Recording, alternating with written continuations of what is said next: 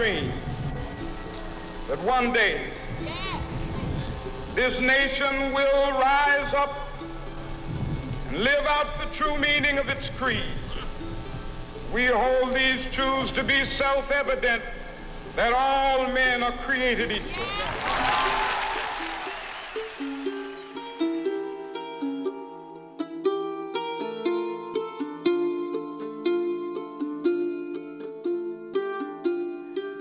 Dokumenterat sänder Vad blev det av Martin Luther Kings dröm?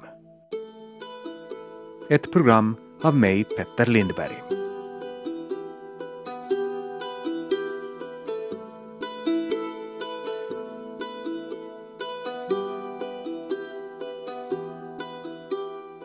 Dr. King is an eminent and deserving crusader for this cause, a man with worldwide uh, acclaim. And his recognition was a recognition of the civil rights movement and the importance of this issue and of the way in which the crusade is being carried forward in this country. Definitely so. I mitten av 60-talet uttryckte den dåvarande vicepresidenten Hubert Humphrey sitt stöd för människorättsaktivisten Martin Luther King. King är en framstående förkämpe och förebild för hela världen, sa han.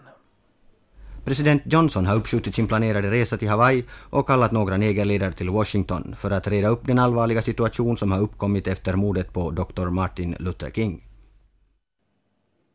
Fyra år senare släcktes den gemensamma drömmen i och med mordet på Martin Luther King. Kvällen innan Martin Luther King gick ut på sin balkong och träffades av mördarens kula höll han ett tal i Memphis där han med nästan kuslig framsynthet förutsade sin egen död. Han berättar om de hotelser han utsatts för. Vi har svåra dagar framför oss, sa King, men det gör mig inte längre någonting. Jag har varit uppe på bergets topp. Som alla andra har jag velat leva ett långt liv, men det bryr jag mig inte längre om. Men vilket är Kings arv? Och vad hade King haft att ge om han fått leva? Det är många som tar upp vad var det han sa egentligen, inte bara han sa I have a dream, utan han, eh, hela hans tal var inramat av kampen för jobb och för mänskliga rättigheter, alltså både den ekonomiska och den mänskliga rättighetskampen. Och vad blev det av hans dröm egentligen? Kings dröm liksom förverkligades är vad man, vad man spelar upp här och att han skulle vara en, en nationell hjälte. Uh, och det är ju ironiskt för det var inte alls vad han var och, och vad han kämpade för har överhuvudtaget inte förverkligats om man tittar på, på rasförhållande och klassförhållanden i USA idag. I det här programmet ska ni få möta den svenska författaren Lars-Åke Augustsson som vistats mycket i USA och nyligen utkommit med en bok om Martin Luther King. Men också forskaren och USA-experten Oskar Winberg. Allra först ska vi ändå bege oss till USA varifrån korrespondenten Marcus Elander rapporterade år 1965. Freedom-sångerna, frihetssångerna, har klingat över hela Förenta Staterna tydligt och klart egentligen endast sedan 1960 då de verkligt stora demonstrationerna mot rassegregationen inleddes i landet. Missnöje och en gryende politisk medvetenhet bland den svarta befolkningen hade lett till konkreta aktioner som sittdemonstrationer i North Carolina och kravaller i många storstäder. USAs negrer av idag står inte som en onkel Tom tiggande och tacksam med mössan i handen. Liksom alltid när förtryckta och negligerade grupper har fått en fot innanför dörren till hoppet kan den upplagrade bitterheten tändas av den allra minsta gnista. Kravaller kan i bästa fall resultera i ett chockuppvaknande och leda till konstruktiv handling bland de vita. År 1965 fanns en gryende optimism, rapporterade Marcus Elander och berättade om hur butiker och hotell öppnade sina dörrar för svarta kunder. Men också om hur den amerikanska drömmen för många svarta fortfarande var skinande vit.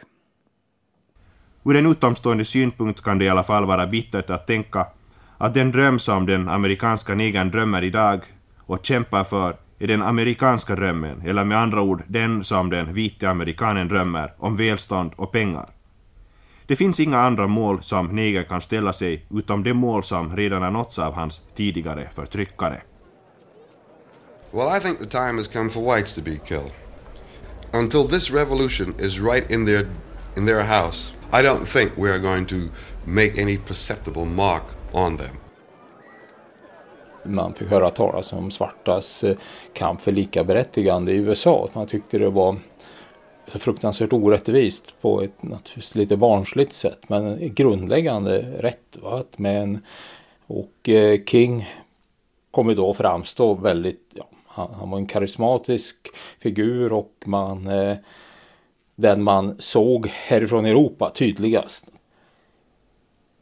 Martin Luther King var en av de rättskämpar som bidrog till Lars-Åke Augustssons politiska uppvaknande på 60-talet.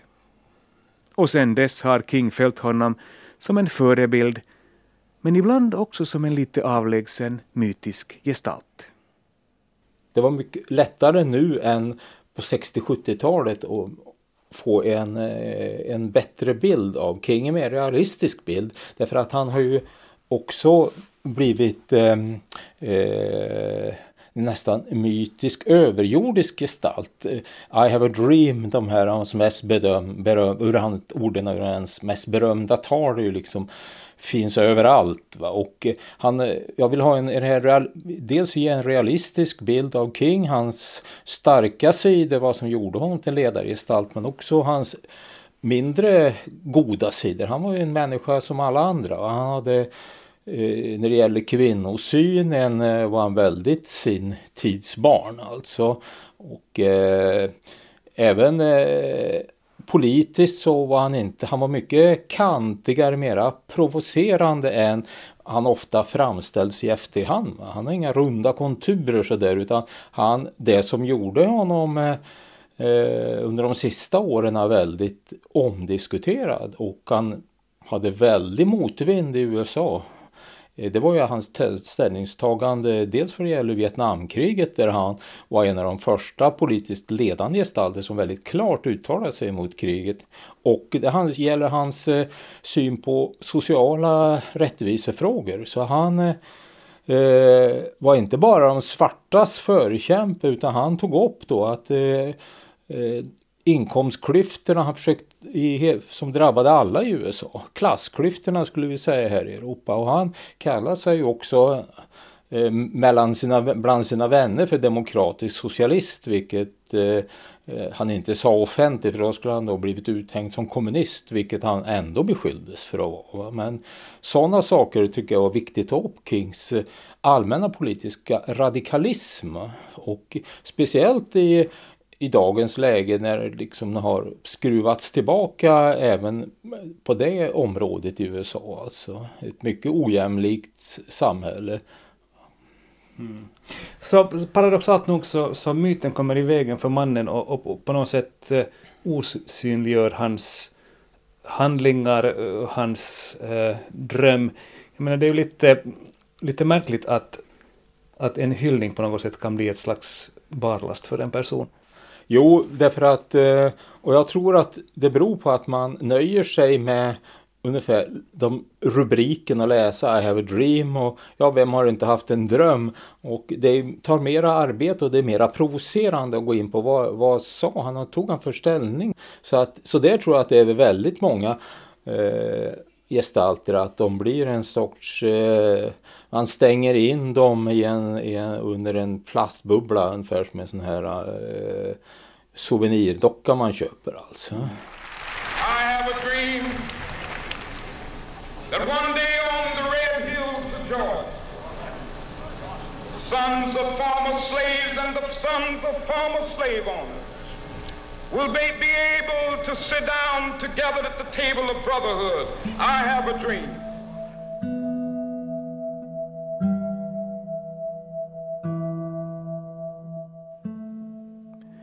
Martin Luther King har för många blivit en oantastlig person vars radikala tankar och idéer hamnat i skymundan för den helgonlika fasaden. Men visst finns det fortfarande sprängkraft i hans budskap, säger forskaren och USA-experten Oskar Winberg. Han har blivit en sån där symbol för det goda, vända andra kinden till och, och där kommer ju det kristna som var väldigt viktigt i hans meddelande och hans retorik in. Men faktum är att, att han hårt kritiserar de som sa att man stegvis ska nå rättvisa i landet och, och att man måste vänta och se vad som händer och, och vill, hans program var mot slutet av 60-talet faktiskt radikalt inte endast inom liksom, nationella politiken utan också inom medborgarrättsrörelserna. Mm. Men också under sin tid så väckte han ju nog, eh, jag menar, väldigt mycket motstånd, men det fanns också sådana som, som anklagade honom för att vara alltför för mesig, att det fanns den, en, många svarta radikala rörelser som, som de menar att, att, att man faktiskt borde ha tagit till våldsmetoder för att uppnå sina mål.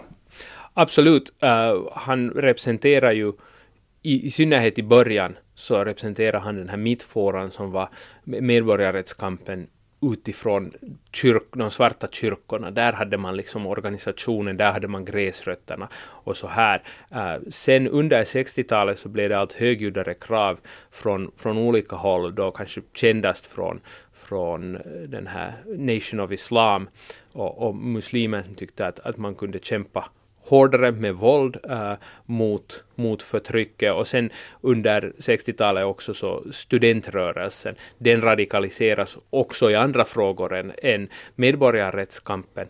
Äh, men när det radikaliseras unga människor som sitter vid universiteten, äh, de tyckte ofta att den här väldigt patriarkala, väldigt kristna organisationen som King ledde inte gick tillräckligt långt och inte tillräckligt snabbt.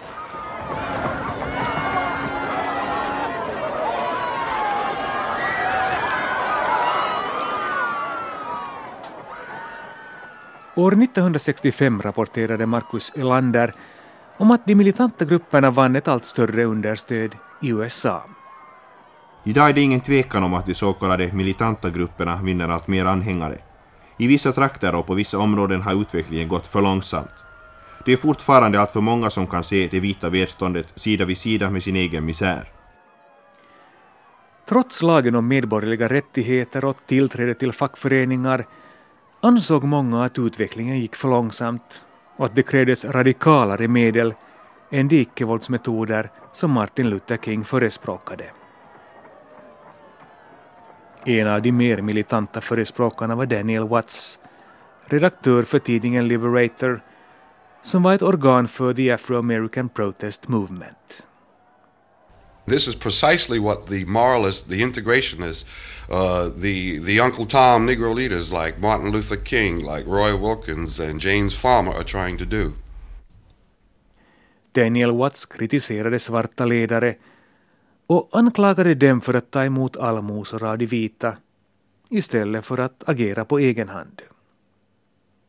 Enligt Watts var rasfrågan inte en moralisk utan en strukturell fråga som inte kunde åtgärdas med hjälp av en försonlighetspolitik.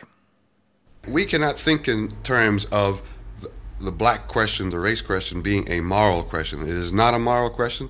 And our, one of our biggest problems today is because the white liberals, the crusaders, the professional do gooders, the missionaries have insisted that the Negro question is a moral issue. America is the most immoral country in the world. How can you approach it, a problem, from the standpoint of morality? Daniel Watts beskyllde också King för att hålla den svarta befolkningen ovetande i sin enfald och för att stå som en mur mellan den vita och den svarta befolkningen. In terms of Martin Luther King and Roy Wilkins, their only function at this point is to keep the black community quiet and happy. They serve no other function. They act as a wall between the black community and the white community. And the white community reinforces their position by handing out Nobel Prizes to them.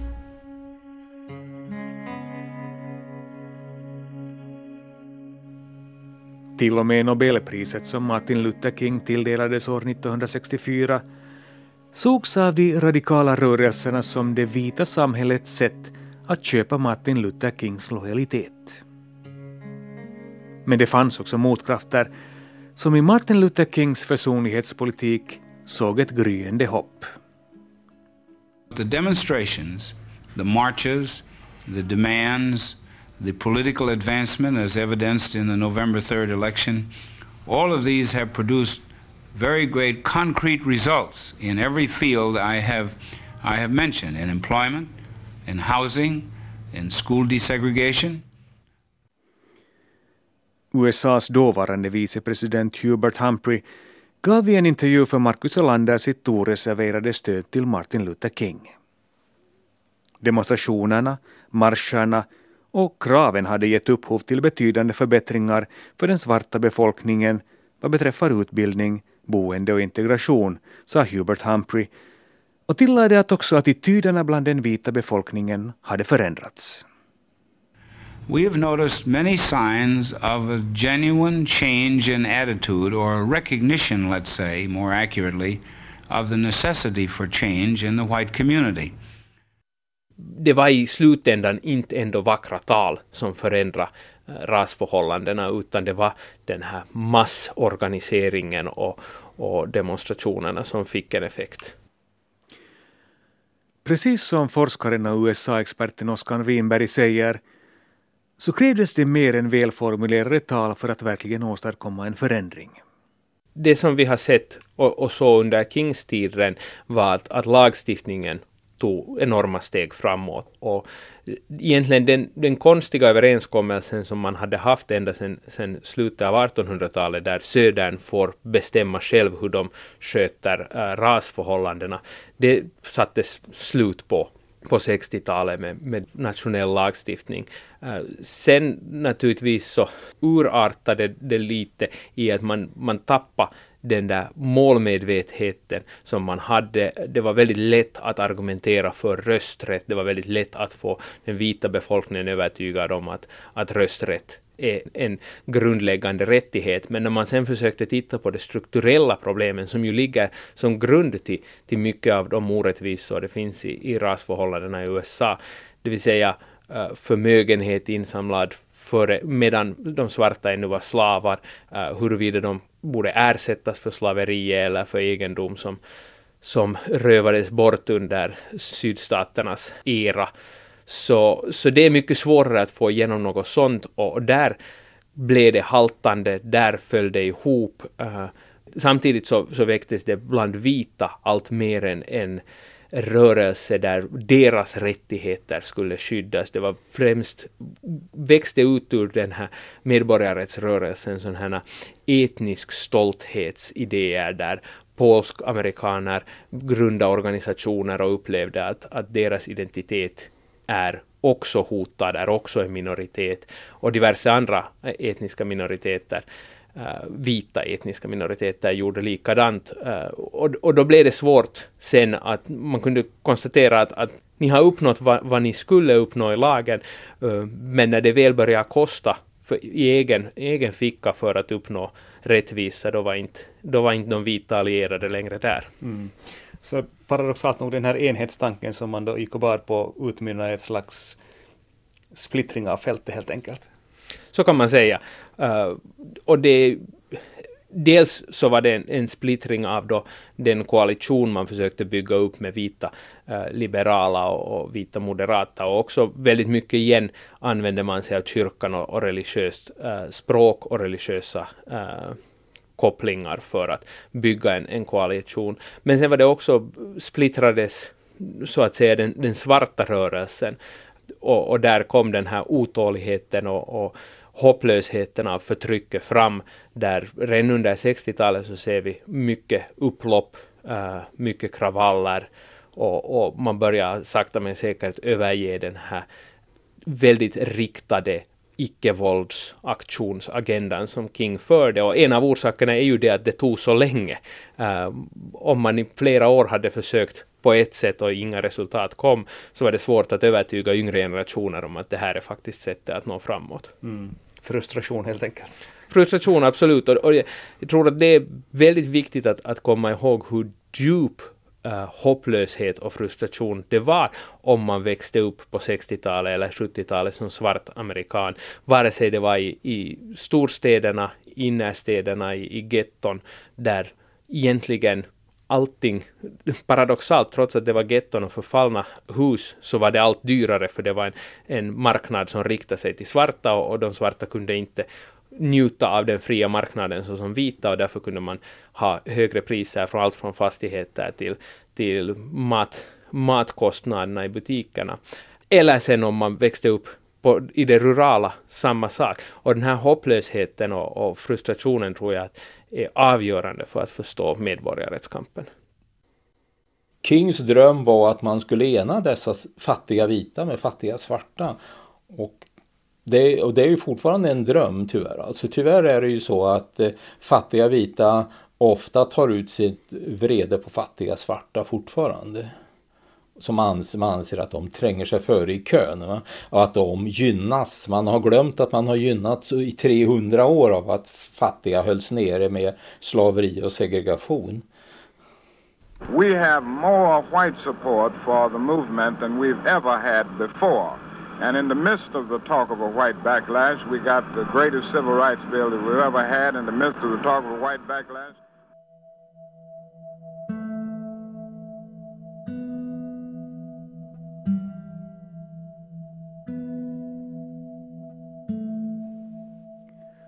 Martin Luther King fick många vitas godkännande, men de mest otåliga bland de egna lyckades han inte övertyga med sin saktmodiga kamp. Ändå är det just icke-våldsmetoden som Lars-Åke Augustsson lyfter fram som Martin Luther Kings främsta arv.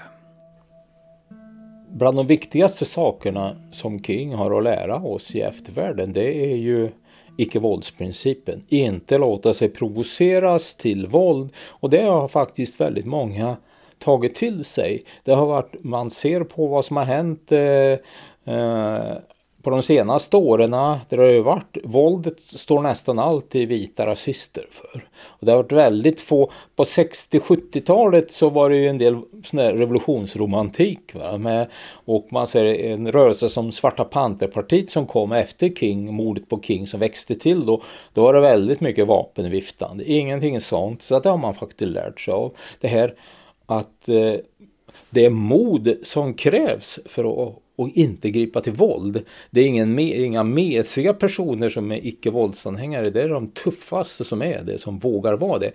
Och som vågar ta de stora risker som är förknippade med det. Så att eh, Kings sociala budskap det har hela tiden funnits där men det har lyfts, det lyfts fram mera nu. Det här eh, ekonomiska budskapet att eh, ge oss rätt till ge oss samma chans till utbildning, till bostäder, till jobb.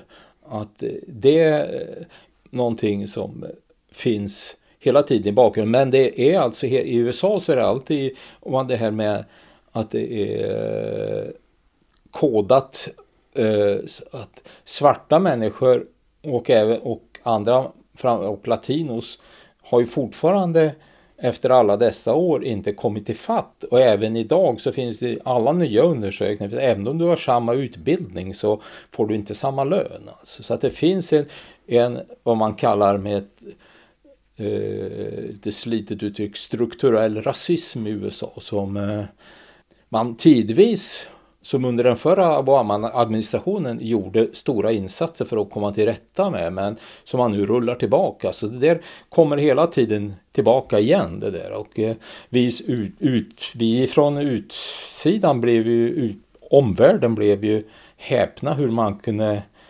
komma så långt som Trump nämligen att bli vald med det sortens budskap alltså. Men det finns och jag tror att vi fick oss alla en chock att det var hur ingrott det i vissa delar av USA.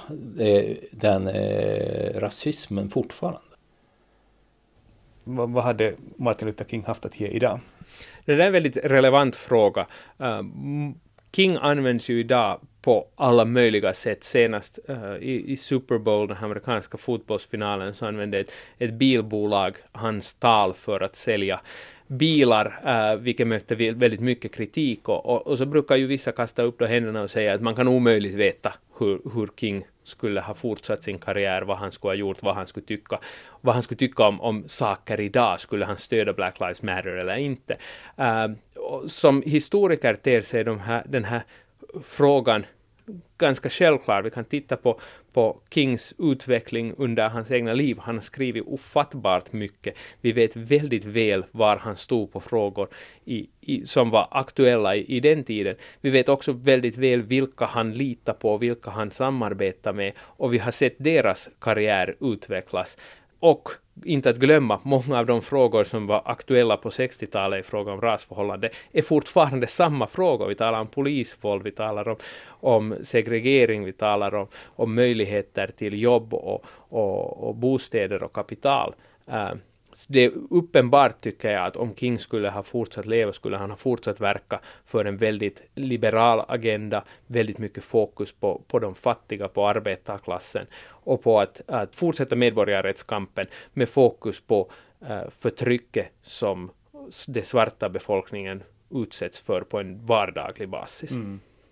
Precis, eh, inte bara institutionaliserad rasism utan också en helt så att säga en primitiv rasism.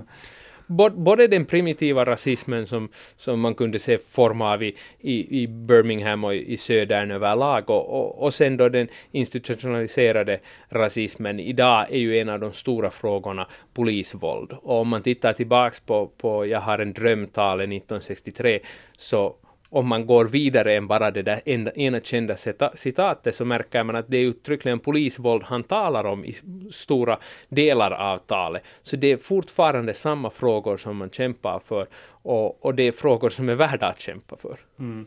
Men nu, nu fanns Martin Luther King inte där, men man kan ju tycka att, att på 50 år borde vi ha blivit lite klokare, lite mer toleranta, eh, lite mer hänsynsfulla men som, när man ser på USA idag så, så kan man ju faktiskt tycka att det hade behövts en, en Martin Luther King för att på något sätt, om inte annat för att styra upp diskussionen.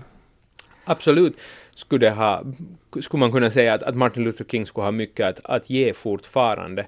Uh, och, och just den där figuren, en slags, uh, en slags ledargestalt som artikulerar gräsrötterna. Till skillnad från politiker så var Martin Luther King i en position där han engagera och, och vara aktivt en del av, av gräsrötterna. Sen finns det naturligtvis väldigt många av de svarta demonstranterna och, och, organisatörerna som upplevde att King var en slags nationell kändis som flögs in till krisområde, hämtade med sig pressen och, och sen när kampanjen var över eller Kings Kings andel av kampanjen var över, så försvann han och, och där försvann all uppmärksamhet och, och eventuellt försvann också uh, de som var villiga att samarbeta med, med den här lokala kampen. Uh, så det finns både nackdelar och, och, fördelar med en sån här nationell symbol för en viss kamp och, och jag tror att, att Black Lives Matters beslut att inte ha en ledargestalt uh, delvis handlar om, om just att undvika det här att, att det finns liksom fokus bara när, när nationella medierna följer ledaren utan istället bygga från, från grunden en, en kamp. I have a dream. My poor little children will one day live in a nation where they will not be judged by the color of their skin, but by the content of their character. I have a dream today. Det har ju visat sig att de som försökte det, de blev också ett tacksamt eh, måltavla för eh, polisbrutalitet på sin tid. Svarta Panterpartiet, eh, eh många av dem sköts ihjäl av polisen helt enkelt. Så man, och det är lättare att skjuta på någon som har vapen i hand än någon som är fredlig. Och det har ju också visat sig sen alla segerrika revolutioner vill jag påstå, de har varit fredliga. När järnridån föll och eh, kommunismen gick under i alla fall i stora delar av Europa så eh, var det med icke-våld. Nej, jag tror att vi får helt enkelt inse att så länge det finns, eh, alltså det rasistiska kortet kommer alltid att kunna spelas så i alla därför att det etniska kortet och det är vi ju inte alls på något sätt något bättre här i Europa. Alltså, vi har inte haft slaveri på eh, så nära inpå som USA har haft men det är lika bra att erkänna att vi, eh, det, det, kommer alltid, det finns alltid den möjligheten och inte vara självgod där alltså. Så att det, det kortet går alltid att spela De ser inte ut som vi va? och de pratar så och så. De har den och den religionen. Så att de måste nog vara onda. och vi får leva med det och försöka, precis som andra dåliga tendenser vi alla har inom oss. Vi får vara medvetna och erkänna att ja, och sådana är vi också. Alltså, mm. vi, försöka, vi får försöka och stå emot det. Men, men när man nu läser uh, slutet av din bok som, som på något spelar dagens USA, så helt nattsvart är det ju inte. Det finns ju hopp i varje fall. Jag läste det häromdagen, en intressant kolumn i New York Times. En debattör som sa att ja, vad som att Trump blev vald, det kanske var det bästa som hade hänt. Hände den amerikanska vänstern eller liberalismen eller sånt där för att dels så fick man en påminnelse om hur mycket det återstår att göra. Och det så fick man en nytändning också därför att vi kan inte göra på det gamla sättet. Alltså det här som man var inne på förut, vi kan inte göra demokratiska partiet eller överhuvudtaget, man kan säga överhuvudtaget alternativa rörelser, sociala, vi kan inte göra dem beroende av bidrag från storfinans, från stora företag och av medier. Vi måste göra det själva. Och jag tror att eh, det, är det som är genomgående, det som är hoppfullt i alla fall i USA, att det finns en eh, eh, bland minoriteter men också bland kvinnor, bland metoo-rörelsen och så vidare. Och den största demonstrationen som har varit hittills efter Trump det var alltså eh, kvinnodemonstrationen alldeles några veckor efter. Så att den, det är en faktor som inte alls fanns med på samma sätt. I, på, så att kvinnor och minoriteter är de som eh, det är hoppet för USA, inte bara för USA. Ja, det finns hopp för USA, säger Lars-Åke Augustsson och får medhåll av Oskar Winberg som utpekar de svarta kvinnornas valframgångar som det senaste tecknet på en gryende förändring. Den svarta befolkningen, latinorna och kvinnorna är det centrala, centrala väljar, väljarstödet som kommer att garantera dem seger. Så om vi tittar på, på senatsvalet i Alabama förra, förra december så var det uttryckligen i pressen och i äh, politikernas tal efteråt så var det uttryckligen svarta kvinnor som hade garanterat segern och som hyllades som hjältar i det valet. Och det var ganska anmärkningsvärt. Mm. Men, men kan, eh, om vi nu återkommer till Martin Luther King, kan han idag fungera som någon slags ledstjärna trots allt, eller är han på något sätt en, en historisk figur? Absolut kommer han att fungera som en, som en ledstjärna, som en, en symbol. Uh, frågan är hur mycket man kan, man kan så att säga Äh, ta tillbaka King till en, en aktivist uh, figur, för det var det han var. Uh, nu har han ju liksom lite utspets och blivit lite blajig, uh, men jag tror att, att han fortfarande, hans retorik, hans budskap om icke-våld, uh, hans fokus i synnerhet under de sen, sista åren på koalitionsbyggande där man inkluderar fattiga vita, fattiga svarta uh, och försöker bygga en, en slags rörelse som, som går över över rasgränserna. Jag tror att alla de här är sådana faktorer som man kommer att ta med och, och hela tiden tar med i rörelser som Black Lives Matter.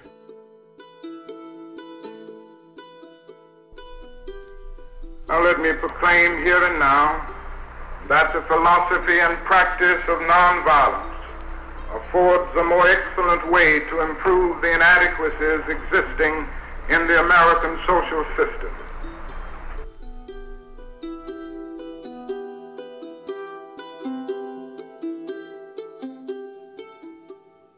Martin Luther Kings budskap inger fortfarande hopp och både Oskar Winberg och Lars-Åke Augustsson är övertygade om att drömmen lever vidare.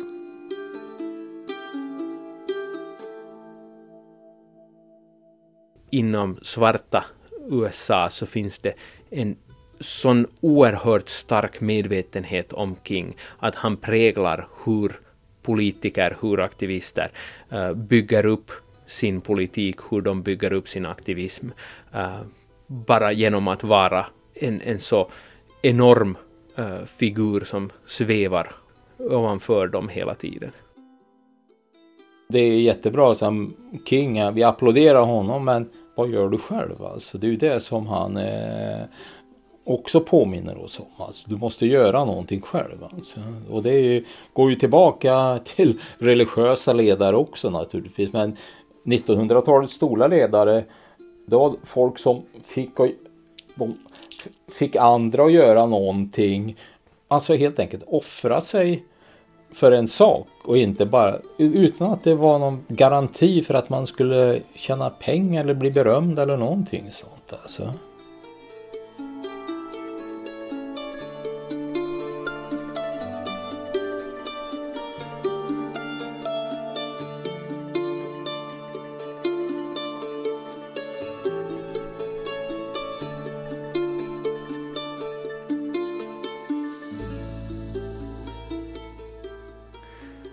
Har hört programmet Vad blev det av Martin Luther Kings dröm av mig, Petter Lindberg.